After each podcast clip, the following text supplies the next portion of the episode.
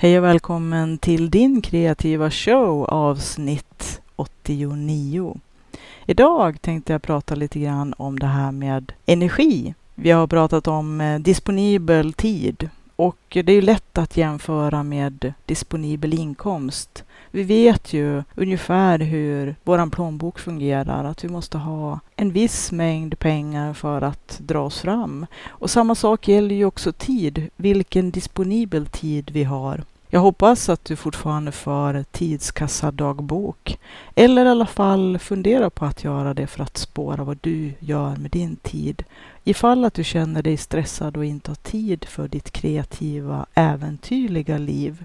Att förverkliga dig själv och utmana dig själv, din personliga utveckling. Men det här med disponibel, det handlar inte bara om pengar eller om tid som vi måste ha till hands eller ha tillgängligt för att kunna spendera på sånt som är viktigt för oss. Utan också hur mycket disponibel energi som vi har som vi kan använda till saker som är viktiga. Här kan det vara lite svårare för många att uh, göra det konkret. Pengar är ganska konkret. Tid kan kanske vara mindre konkret men det går ju att mäta och som jag har pratat i några tidigare avsnitt det här med en kassabok för ens tid.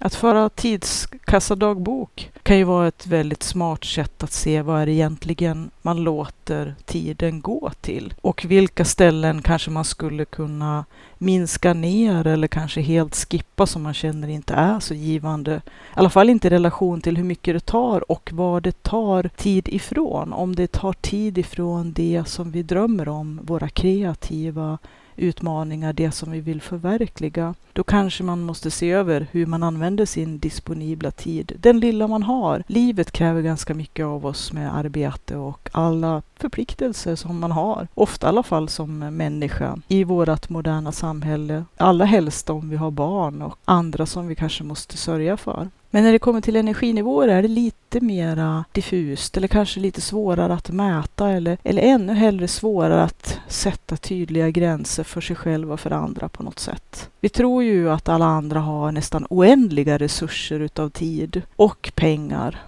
och glamour och ork och energi. Att allt ser så lätt ut för andra. Men i verkligheten så tror jag att de allra flesta har ungefär samma strider, samma kamp för att få det hela att gå ihop. Livspusslet som man säger. Det kan ju vara ännu mycket svårare om man bortser från det här med att man måste ofta hitta någon typ av inkomst, arbete, kanske skola, utbildning och att man kanske har familj och barn, att man måste rodda det vardagliga. Man måste äta och diska och, och tvätta och städa och massa saker. Men man måste ju också både se över sin eh, energi, sitt energiuttag och hushålla med sin energi. Det är ju inte bara energin och det är inte bara pengar och tid man måste få att uh, räcka till utan även energin. Och det jag tänkte säga och komma fram till det är ju att för vissa personer kan det ju vara ännu mycket svårare det här med energin. Allra helst om man har problem med hälsan som jag kan relatera till och som jag tror att ganska många kan. Och ännu värre när det gäller hälsan är ju om vi har ett, ett osynligt hälsoproblem. Eller en osynlig diagnos av något slag som gör att det blir lite svårt för andra att eh, konkret förstå.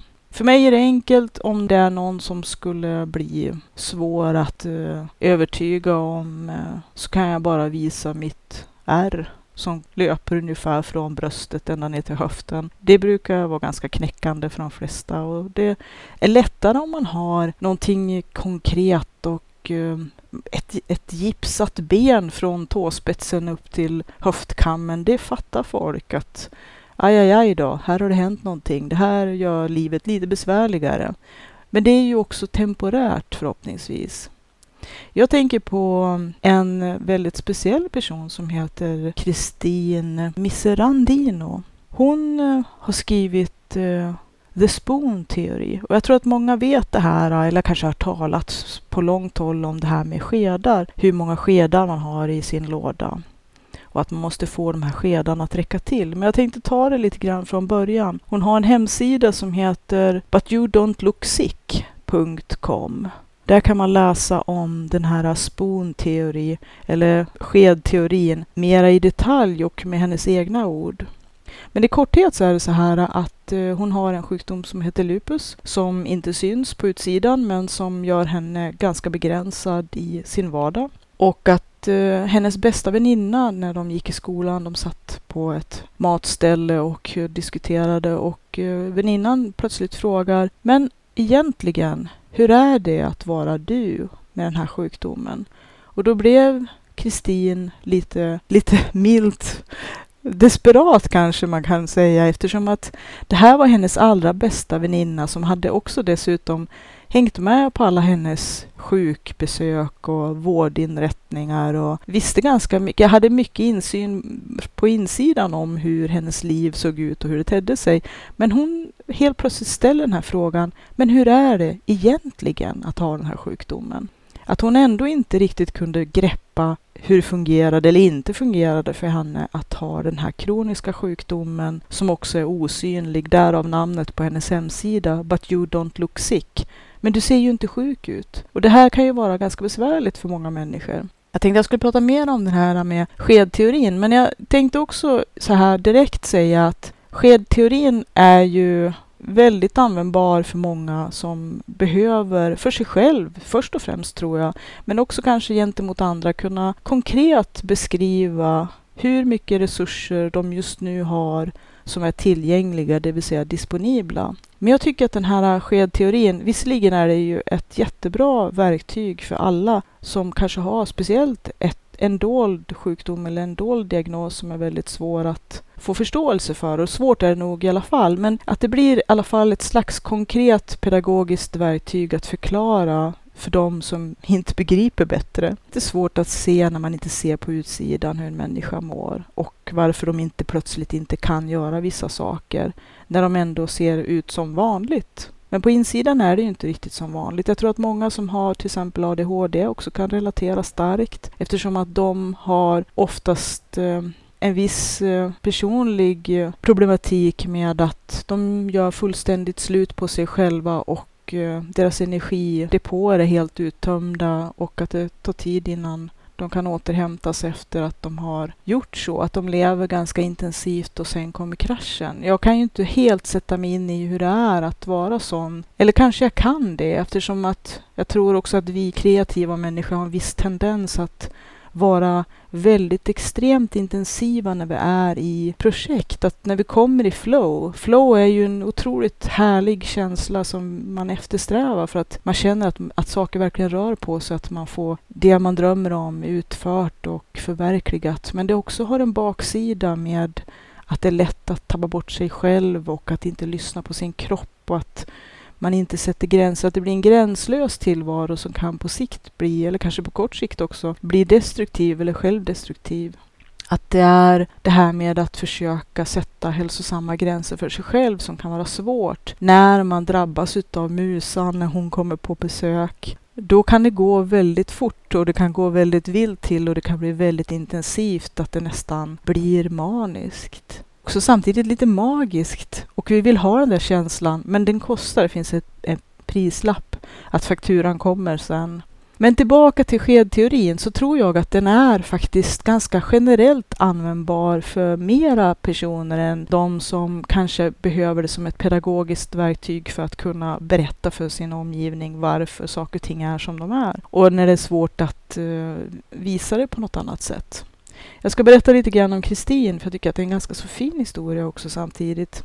De satt på ett mathak och väninnan plötsligt ställer den här frågan nästan mitt i det blå. Och eh, Kristin blev som sagt lite, kände att nästan mattan rycktes undan fötterna. Det här är mina egna ord. Man får läsa hennes story med hennes egna ord på hennes hemsida butyoudon'tlooksick.com. Men i alla fall så kände hon en lätt desperation, eh, vild förtvivlan kanske.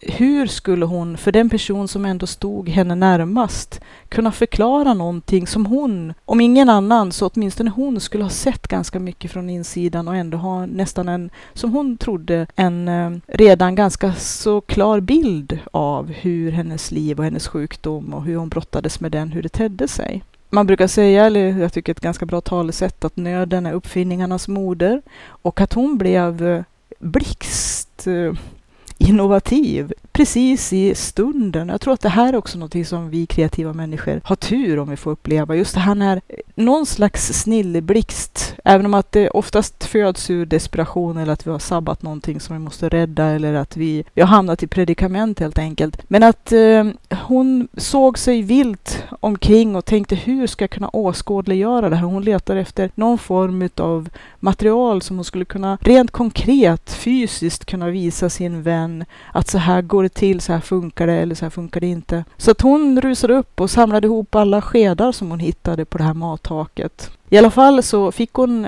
ett, eh, ett gäng skedar i näven som hon tog med sig till bordet och eh, la dem på bordet och sköt dem till sin väninna och sa här. Och hon blev väl lite förvånad och undrade vad skulle hon med? Jag tror det var 24 eller 12 skedar. Det kanske var 12 skedar. Väninnan såg väl lite frågande ut och så sa hon så här, om du tänker dig att skedarna är den energi som du har under en dag och varje grej som du ska göra kostar någonting. Alltså, om du ska äta frukost och så tog hon bort två skedar, då kostar det så här mycket. Om du ska klä dig och duscha, då kostar det så här mycket, så tog hon bort några skedar till. Och sen på slutet, eller ganska kort därpå, så var det ju inte så många skedar kvar. Hon hade bara en sked kvar. Nu måste du välja om du ska äta någonting eller om du ska laga mat, för du, kan inte, du har inte energi nog att göra båda delarna. Och det svåra är om man är sjuk eller inte har energi att även om man nu hoppar över stegen att laga mat så måste man ta sig någonstans för att skaffa mat som är färdig. Och det är ett steg för mycket. Väninnan blev ganska vit i ansiktet när hon insåg att de här få skedarna som hon hade att röra sig med, alltså disponibel energi, det var inte mycket att hurra för och att när man måste välja mellan flera livsnödvändiga behov under en dag och inte kan få tillfredsställa eller få genomföra alla som man egentligen som människa i det här livet behöver. Om du måste välja mellan hygien och äta till exempel. Du orkar inte både duscha och äta. Men i det här fallet för Kristin som har en sjukdom som gör att om hon inte äter då går det åt helvete på riktigt. Då är det ju inte så mycket att fundera på kanske man kan tänka men emellanåt måste man ju också duscha. Så det är ju det här som är dilemmat. Och därför så försökte hon då förklara för sin väninna att därför måste jag säga nej så många gånger när folk frågar om jag vill göra någonting roligt. Att jag inte har skedar tillräckligt för att kunna tacka ja. Jag kanske inte ens har skedar tillräckligt för att kunna göra tre viktiga saker på kvällen för att skedarna är slut. Att jag inte kan äta eller duscha eller gå och lägga mig för att jag har inte tre skedar kvar. Och då blev ju den här väninnan ännu blekare om nosen och tyckte att det var ju fruktansvärt. Vilket det är också. I hemlighet så hade Kristin hållit på en sked som hon hade under bordsskivan som hon höll i handen. Och så tog hon fram den och så sa hon, därför försöker jag alltid ha en sked i reserv. Och lite grann så var det kanske också en barmhärtighets eh, åtgärd för att hon såg hur krossad hennes väninna såg ut och blev utav den här äh, plötsliga insikten i hur det är att måste välja mellan så få självklara saker för den som är frisk och bara kunna kanske ibland, eller kanske till och med inte ha några skedar att kunna välja ens någon av de här sakerna som man egentligen måste enligt grundläggande basbehov. Sen la hon ju till att ibland så kan jag ju se till att spara några skedar för att ha i beredskap för att göra någonting speciellt, men att det kommer att kosta. Och att hon alltid såg till att försöka ha en sked i reserv, men att det inte alltid heller var möjligt för att ibland, i vissa tillfällen, så var hon tvungen att låna skedar från nästa, för nästa dag. Och då är man ju redan på minus redan från start. Och det här tror jag också många känner igen ifrån sin ekonomi. Att eh, låna från framtiden, det är oftast en väldigt dålig idé på lång sikt. I alla fall om man inte hela tiden ser till att betala tillbaka, hålla jämna nivåer, att man återställer ordningen efter varje gång man har lånat. Men kommer man ohjälpligt efter så blir det ju en mer och mer förtvivlad och desperat situation som för Kristin i hennes fall är någonting hon inte kan tillåta sig för att hon har helt enkelt inte råd med det. Har man bara 12 skedar att disponera per dag, då måste man vara oerhört, oerhört noggrann med hur man använder dem. Och ingen av dem får slösas bort på saker som inte är innanför de absoluta basbehoven. Vi andra människor som inte har kroniska sjukdomar, vi kan ju slarva lite mer. Vi har ju också lite fler skedar att, att ha i lådan. Men jag tror ändå att vi kanske behöver ha den här lilla skedteorin, nästan alla, för att vi många gånger upplever jag lever på lever utanför våra egna gränser, att vi, vi lever utanför våra ramar, att vi lånar av morgondagen och att vi kanske gör av med mera skedar än vi faktiskt har som är disponibla. Och det kan gå ett tag och det kan gå ganska bra ifall att vi hela tiden ser till att hålla jämna steg och betala tillbaka, men att vi också kanske många gånger är väldigt dåliga på att betala tillbaka till oss själva. Att vi bara plockar skedar ur lådan som om det inte fanns en morgondag. Och så sedan, och det här tror jag också är en stor anledning till utmattningsdepressioner och eh, utmattningssyndrom, att vi har lånat för mycket ur den här lådan med skedar som skulle räcka för inte bara nästa dag utan nästa vecka och nästa månad och kanske till slut om man har, när man har gått in i väggen, då har man ju faktiskt lånat ifrån i flera år i förväg. Och till slut kommer ju kraschen eller fakturan, hur man nu vill se det kanske det svåra med energinivåer att de är inte lika konkret mätbara som kronor. De är inte lika konkret mätbara som, som minuter och timmar. Tid och pengar är lite enklare fastän att det är fortfarande ganska svårt att handskas med och, och speciellt att hushålla med och att ha vettiga gränser och bevaka dem och se till att leva innanför sina egna parametrar så att det blir ett eh, inte allt för stressigt och hemskt liv när vi märker att vi har farit utanför våra tillgångar och överskridit kreditgränser och eh, inte klarar våra deadlines och så vidare. Men när det gäller energi så är det ju så himla mycket mera abstrakt. För dels vet vi inte riktigt kanske alla hur mycket energi vi har tillgång till. Hur mycket är vår disponibla energi? Hur många skedar har vi i våran låda? Det kanske är många som inte riktigt har koll på det. Samtidigt som att det är väldigt lätt att andra också kanske ställer krav på oss och att vi har svårt att säga nej. Att vi har svårt att sätta gränser för för andra och så säger vi ja till allting som vi innerst inne faktiskt inte orkar. Men jag tänker så här um, att um, vi måste ju ta reda på det här um, med hur många skedar vi har i lådan. Se till att inte låna skedar ifrån kommande dagar och att uh, ha några skedar i reserv. Det är ju det som jag tar med mig från det här med the spoon theory eller skedteorin. Jag tycker att det är en ganska konkret modell, en ganska konkret tankemodell som eh, går att använda. När man känner att man faktiskt inte har några fler skedar i lådan, då kan man ju säga det också att tyvärr, besticken är slut. Cannot compute. Det går inte. Det svåra är ju naturligtvis att eh, i förväg rita in det här på kartan tror jag. Och det hänger ju också, tror jag, intimt samman med hur vi disponerar våran tid och kanske också indirekt pengar. För pengar ställer krav på våran tid. Jag pratade om det i tidigare poddavsnitt det här med att om man vill ha mycket pengar eller behöver mycket pengar eller är tvingad att ha mycket pengar så måste man ju betala med sin tid, med sin eh, viktigaste valuta och det är ju ens livstid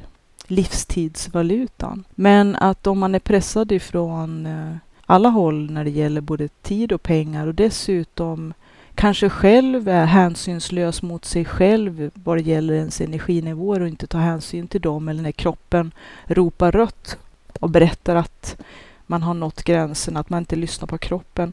Eller att man kanske inte säger nej tillräckligt ofta av olika skäl eller att vi är dåliga på att sätta gränser för andra. Men också kanske framförallt tror jag att sätta gränser för oss själva. Att det är lätt att hamna i honungsfällan och att då köra över alla sina egentliga resurstillgångar och alldeles för sent upptäcka att det här funkar inte i vår moderna tid så tror jag också att problemen kan bli så mycket fler för att det finns så himla mycket mera distraktioner. Det är väldigt lätt att hamna framför sociala medier eller framför datorn eller klistrad vid sin telefon och titta på Youtube-filer och bli uppe alldeles för sent på natten. Och kanske vi redan där börjar låna utav morgondagens skedar. Så att vi hade kanske ett gäng från början som skulle kunna vara ganska lämpligt att kunna bära upp oss ganska bra. Men om vi redan har lånat eftersom att vi har slarvat och suttit kanske för länge framför skärmen inte varvat ner, inte skött om oss på andra sätt, så tar ju skedarna till slut slut. Även om man är frisk och inte har en kronisk sjukdom. Och då känns det ju som att eh, den som ändå från början har ganska mycket skedar och ganska mycket resurser kanske kan bli lite övermodig eller kanske bli lite nonchalant och börja ta ut mycket mera än vad det finns avsättning för. Att man kanske också kan vara ganska hänsynslös mot sin egen kropp. Och att man är lite för flat och är rädd för konflikter och kanske säger ja till för mycket istället för att markera. Men det är ju också lätt att säga naturligtvis. Men först måste man ju få syn också på, kanske tror jag, som jag har pratat om i några avsnitt här tidigare om tidstjuvar, energitjuvar, att klocka sig själv för att se vad egentligen använder jag tiden till och inte ljuga för sig själv. Se saker för vad de verkligen är och kanske börja kapa och rensa lite i rabatterna och få bort lite utav den värsta undervegetationen som kanske riskerar att kväva de buskar och träd och blommor som man faktiskt vill odla och att man kanske måste se det som är ogräs som kanske invaderar ens hanteringar för vad det är. Och eh, Jag tror att alla kan väl fastna Ibland kan man ju unna sig att ha en slarvig kväll. Men jag tror att det också är väldigt lätt att den här slarviga kvällen också blir ett mönster och en ovana som är lätt att ramla in i. Och att vi kanske inte riktigt respekterar våra kroppssignaler utan tror att det ska gå ändå. Jag skulle också vilja, som jag vill applicera skedteorin, tänka att man kanske först och främst måste fundera lite grann i banorna av disponibel energi. Hur många skedar har jag? Och det är ju förmodligen väldigt olika på olika personer och vad vi är i livet, olika faser och en massa olika omständigheter, hur vi mår just nu av en massa skäl. Man kan ju ha dagar när man har nästan, nästan oändligt med resurser och andra dagar när man är skör och har en besvärlig situation på kanske många olika fronter samtidigt. Och då minskar antalet tillgängliga skedar eller disponibel energi. Och att man måste ta hänsyn till det när man planerar sig själv, sitt liv, sin tid och hur man använder den på för sätt. Och det här hänger ju naturligtvis ihop lite grann med det här lösa temat om tid tid att få möjlighet till sitt kreativa skapande. Tid, lösgöra tid för de viktiga sakerna för en själv och för ens nära och kära att prioritera. Och jag tror att det här med att vara uppmärksam på att man har ett visst begränsat antal skedar, även som frisk. Sen är det kanske ett större antal än en person som har kronisk sjukdom eller en diagnos. Men Likväl så har vi en begränsad mängd med bestick i lådan och när de är slut så är de slut. Och att inte slarva bort det på en massa, kanske tjafs rent ut sagt, men också kanske saker som i längden kommer att kosta så mycket mer än vad det smakar. Och jag tänker på att som sagt, man kan ha en kväll när man slarvar även en vardag och sitter och tittar på Youtube-filer till mitt i natten. Det får duga som exempel. Man kan ha en massa olika udda ovanor kanske. Jag tror alla vet vilka de har som är deras egna favorit, hemliga sätt att eh, slå ihjäl tid på som kanske i längden kan riskera, om man låter det gå för långt, att bli destruktiva eller självdestruktiva eller ohälsosamma på olika sätt. Om det handlar om shopping eller spel eller alkohol eller vad det nu handlar om. Man kan ju faktiskt missbruka och bruka nästan vad som helst. Men att när det börjar få negativ inverkan på ens liv så har bruket övergått till missbruk och där kan det vara svårt att dra gränsen. Och jag har ju pratat lite grann om det här med sociala plattformar och telefoner och att folk är väldigt väldigt snabba att försvara just sitt användande utav just sin smartphone eftersom att ja, de har ju alltid en massa skäl. Men jag tänker det finns ju andra sätt också som man kan förvanska och eh, kanske slarva bort en hel del av de tillgängliga skedar som man har i lådan. Och eh, ett sätt kan ju vara att eh, äta väldigt dåligt. Jag menar, vem skulle hälla fotogen i tanken på en, eh, på en bil som vill ha 95 oktan? Rätt bränsle är ju oerhört viktigt för att vi ska fungera bra. Jag tänker att vi fattar ju det när det gäller fordon, att bilar måste ha just det bränsle som som de är tänkta för och byggda för. Men att vi har inte riktigt samma hänsyn och insikt när det gäller våra egna kroppar. Men det kan också vara det att man trycker i sig stora mängder socker. Att vi kanske för att bli tillfälligt piggare, gör det för att få en liten eh, sugar high, att vi får en liten sock, sockerchock och så känner vi oss pigga i 40 minuter innan vi kraschar ännu hårdare som en pannkaka. Det kan ju också vara ett sätt att prokrastinera, att självsabotera, att vi trycker i oss en massa mat eller en massa sött eller andra saker som vi lite grann har låtit övergå från bruk till missbruk för att eh, det gör oss avtrubbade och att vi blir distraherade, att vi får den här korta stunden utav någon slags upplevd eh, njutning. Men att njutningen är ganska negativ och att vi kanske mår i grunden dåligt utav att hela tiden låta den styra oss. Och eh, att trycka i sig för mycket socker kan ju vara ett sätt att pumpa i sig energidrycker för att man ska orka en 40 minuter till. Men prislappen sen kommer bli så mycket högre tror jag också det här med att vi kanske slarvar med våra sovvanor. Och jag är ju inte någon eh, renlevnadsmänniska på något sätt, utan eh, jag talar ju en hel del utav egen erfarenhet. Inte för att jag eh, sysslar med energidrycker, för att då tror jag nog att jag skulle få något fel på, på hjärtat eller så. För att eh, jag är speedad tillräckligt som det är. Det räcker med att jag dricker kaffe. Vi har kanske våra små hemliga förlustelser som kan vara fullt eh, okej okay så länge vi håller dem i schack. Men att eh, det gäller att fundera om det är de som håller oss i kopplet eller om det är vi som håller dem i kopplet. Här kan det ju vara att vi vill gärna tro att det är vi som bestämmer, men egentligen kanske det inte alls är så. Ungefär som jag pratat om det här med prylar några tidigare poddar. Är det vi som äger prylarna eller är det prylarna som äger oss?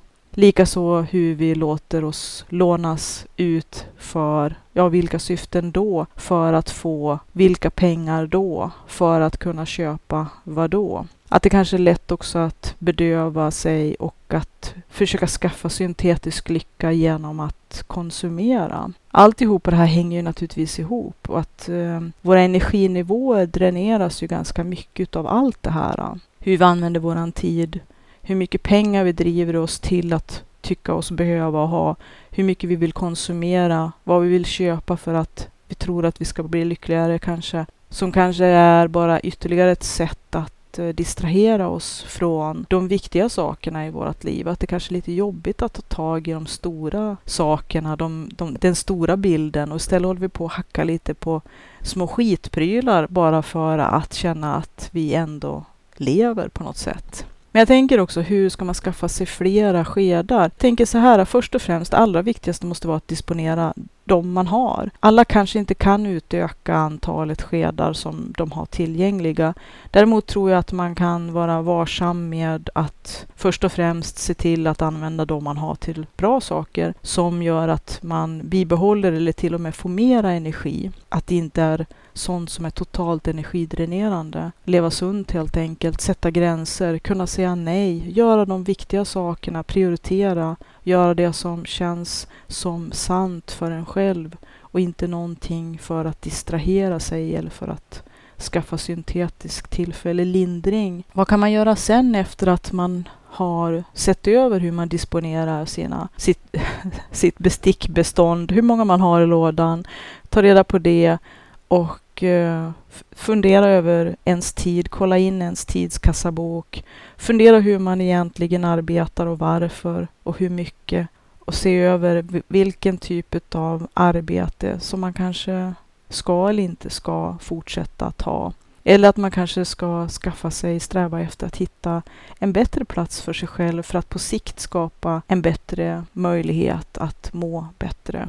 Och det är lätt att säga, men igen då kommer man in på det att ja, men jag har inte tillräckligt med energi, jag har inte tillräckligt med tid att prioritera ännu mycket hårdare för att få loss de här skedarna. För att i framtiden få tillgång till hela kanske lådans innehåll av skedar som man just nu kanske måste kasta för vinden och sprida både här och där för att eh, man inte riktigt lever med de livsomständigheter som man faktiskt behöver ha eller vill ha. Att det krävs lite grann för att skapa en bättre framtid helt enkelt och att då kanske man måste se över ännu mycket hårdare hur man prioriterar tid och pengar och energinivåer. När man har gjort det uppenbara, det vill säga att kapat allting som själ, utan att ge eller kanske till och med tar för mycket. Att inte låna utav morgondagens skedar. Att också kanske se hur kan jag få de skedar jag har att räcka längre? Finns det smartare sätt att arbeta eller göra saker på eller att inte göra saker på? Kan det finnas sätt som gör att en sked räcker till två grejer istället för en genom att vi hittar ett mycket bättre sätt att göra saker på? Ibland kanske man måste ta ner en del av sina egna ambitioner, sin egen standard eller sin egen drivkraft efter status, prestige. Jag vet ju inte, alla är olika och vi har ju olika värderingar, men att om man kanske märker att man gör saker för en någon annans skull och de som man gör saker egentligen är personer man inte överhuvudtaget ens uppskattar. Det är väl som det här man brukar säga att vi svenskar jobbar svart för att tjäna en massa pengar, för att köpa massa prylar, för att imponera på folk vi inte gillar. Det känns som lite grann av en livslögn, att man kanske måste se, se över lite sina prioriteringar där. Kan man skapa flera skedar kan man få mera än de som man redan har i, i, sin besticklåda? Och sen samtidigt också naturligtvis vara uppmärksam på att bara för att jag har normalt sett, ja, vad ska vi ta, vad ska jag slå till med 26 skedar i min låda ungefär i snitt varje dag så är det, inte, är det inte givet att jag varje dag har 26 skedar. Vissa dagar kanske man har några fler skedar och vissa dagar har man mindre. Dagsformen den kan ju variera. Kanske inte någon som har en kronisk sjukdom eller en diagnos kan unna sig att ens hoppas på att imorgon kan jag ha mera skedar. För att de vet att för det mesta handlar det om att de har mindre skedar än vad de skulle vilja eller till och med mindre än det som de normalt brukar ha. Att de inte kan räkna med det, ungefär som med Kristin, att hon alltid såg till att ha en sked i reserv. Eller kanske till och med några stycken i reserv. Att man då inte får tulla på sitt kapital som man måste ha undanstoppat. Lite grann som med disponibel inkomst, att det är alltid bra att ha en ekonomisk buffert. Att ha också, inte hela tiden toppa eller maxa uttaget utav sin energi, utan se till att ligga några snäpp under. Inte köra sig helt i botten varenda dag och sen hoppas på att de här, ja om det nu är 12 eller 24 eller 26 skedarna ska trilla in även imorgon. Det kanske de inte gör. Utan eh, ligga på plus. Det är alltid bra att ligga lite före, att ha den här bufferten. Men då kommer man till slut till den här frågan. Kan man, om man nu inte har ytterligare problem eller belastningar, då tänker jag på de som har ohälsa, brottas med ohälsa, vilken typ den är, eller att man kanske just för tillfället är i en fas i livet som är mycket mer krävande, kanske ligger i skilsmässa eller precis har fått veta att man har blivit av med jobbet eller sådana saker, då kan det vara svårt att ens ha tillgång till sin normala energinivå. Men om man tänker att man kanske har, lever ett, ett ganska stabilt liv för närvarande, kan man hitta vägar att få tillgång till, lägga händerna på en sked extra och kanske vara smart och inte bara sätta sprätt på den bara för att man råkar ha den. Jag tror att med ekonomi och med energi så kanske, och tid så kanske vi allihopa är lite grann likadana. Att vi, i alla fall tror många i alla fall, lever ur hand i mun. Och för de flesta, så länge man är frisk och att det varje dag ramlar in en ny uppsättning skedar eller kronor eller timmar, ja då går det bra. Men att eh, det kanske inte är ett sådär jättestrålande upplägg ifall att man dels kanske vill se till att eh, ha en buffert, att investera i sin egen hälsa och sitt eget välmående, men också kanske hitta utrymmen, hitta det här spacet som jag pratade om för ett antal poddar avsnitt sedan. Att eh, hitta utrymmet för sitt kreativa liv, för sin personliga utveckling, för sitt eget självförverkligande. Och nu menar jag inte självförverkligande i något slags egohänseende, att man skulle bara tänka på sig själv för att få allt som man själv vill ha och skita i alla andra. Nej, knappast, utan att om jag mår bra då kan jag vara en bra människa och även mina nära och kära mår mycket bättre när jag mår bra. Men vad måste jag göra för att må bra? Det tror jag är den centrala frågan, själva pudens kärna i det här. Att försöka hitta vad jag måste göra för att må bra och därmed kunna bli en så bra människa som jag bara kan. Och också då på det sättet kunna dela den, det välmåendet och den välgången och den energin med andra utan att hela tiden kanske bli totalt dränerad. Här kan det ju vara väldigt, väldigt individuellt så att det är hemskt svårt att säga att om du gör si eller gör så så kommer du automatiskt att uppnå det eller det eller det. Så funkar det nog inte riktigt. Jag tror att vi alla måste hitta våran egen väg i det här.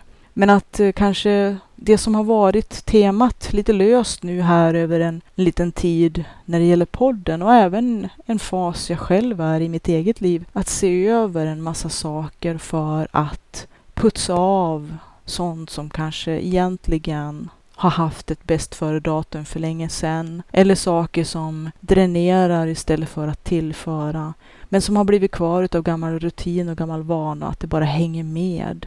Kanske för att det är lite jobbigt att ta tag i de här äh, lorthögarna och det här som samlas i hörnen, att det blir lite kulturlager när man har varit igång ett tag. Både rent praktiskt och rent materiellt men också känslomässigt, fysiskt, mentalt, energimässigt och att plötsligt så kanske vi också har fått hela våran kalender inklottrad med en massa saker. Små saker som hela tiden har kommit till. Det kanske inte direkt är aktiva val eller så kanske det var aktiva val när vi var väldigt, väldigt engagerade eller kände att vi hade den energin så att vi kunde ta åt oss en massa saker och så tar man åt sig en massa saker, så tar man åt sig en massa saker och plötsligt så sitter man där med en fullkletad kalender som alltid är packad till max. Och vad händer så fort som vi får lite utrymme? Ja, direkt så fyller vi det med någonting. Det spelar ingen roll om vi råkar få lite mera pengar eller lite mera tid eller lite mer energi. Att plötsligt så ska vi då maxa ut det där äh, istället för att kanske tänka nej men det behöver jag inte göra. Det här är en buffert som jag ska bygga upp för att kunna göra bättre val och kunna bygga det liv jag vill ha, leva min kreativa dröm och må så bra som jag kan må. må. Och också kanske få förverkliga det här som jag skulle så väldigt, väldigt gärna vilja göra. Och som jag kanske sviker mig själv om jag sitter där på hemmet och inte har gjort. Att det är alldeles för lätt att skjuta upp saker som egentligen är det viktigaste och byta det mot en massa vardagligt tjafs som inte alls är viktigt. Igen är det det här med att det är lätt att hamna i bråttom, bråttom-fällan. Att det är svårt att prioritera när vi hela tiden har en massa saker som skriker och river och sliter i oss och att vi inte faktiskt kan eller hinner göra aktiva val för att ja, vi får springa gatlopp helt enkelt.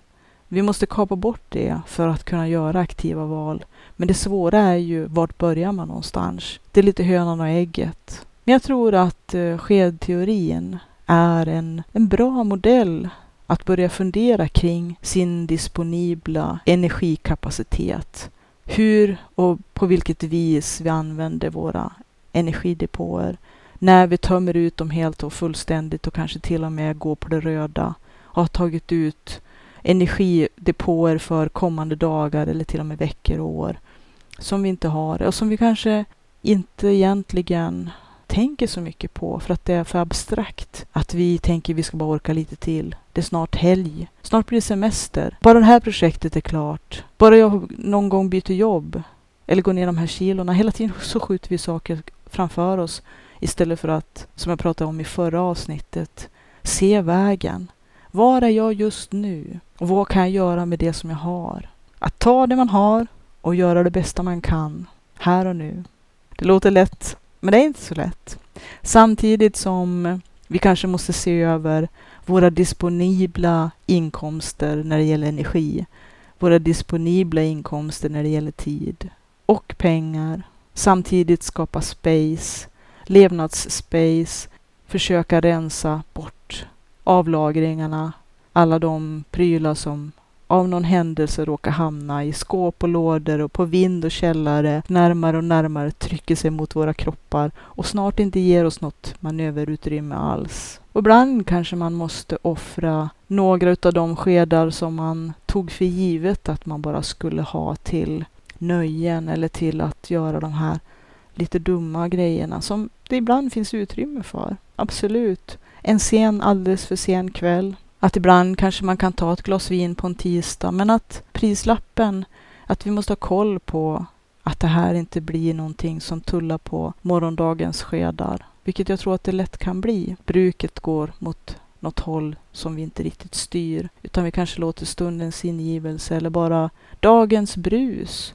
Jag tror att vi lever i en så brusig tillvaro just nu att det kan vara ganska svårt att se klart. Jag försöker se klart och jag försöker prioritera och jag försöker väldigt hårt nu, just nu, som jag har berättat i podden här, äh, kolla vad jag använder min tid till. För min tidskassabok på mitt speciella sätt.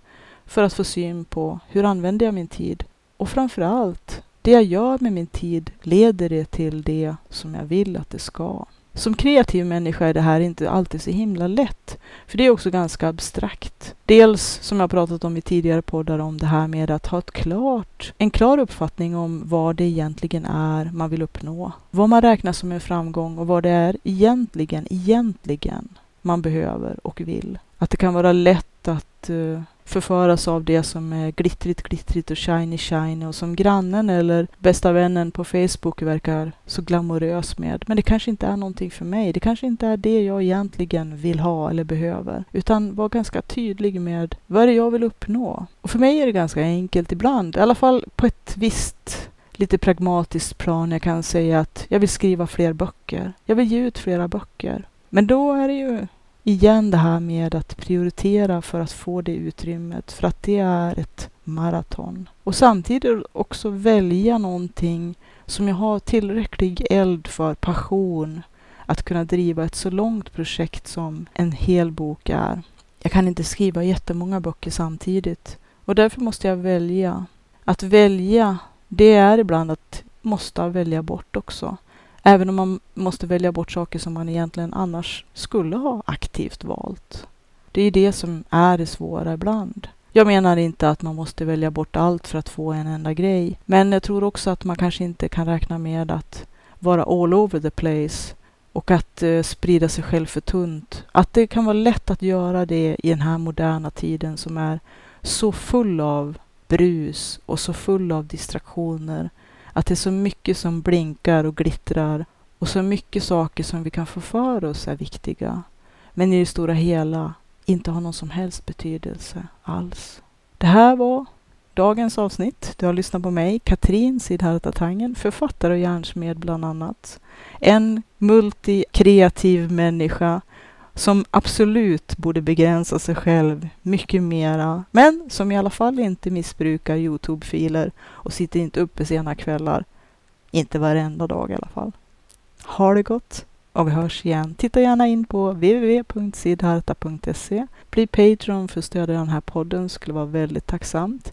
Eller gå in på hemsidan sidharta.se, klicka på bidrag. Där finns det en massa olika förslag på hur du kan göra för att stödja den här podden. Viktigast, sprida kanske till dina närmaste och kära om du tycker att den här podden har hjälpt dig och varit en trevlig lyssning. Du kan också skriva en kommentar eller ge betyg på de olika ställen där den här podden spelas.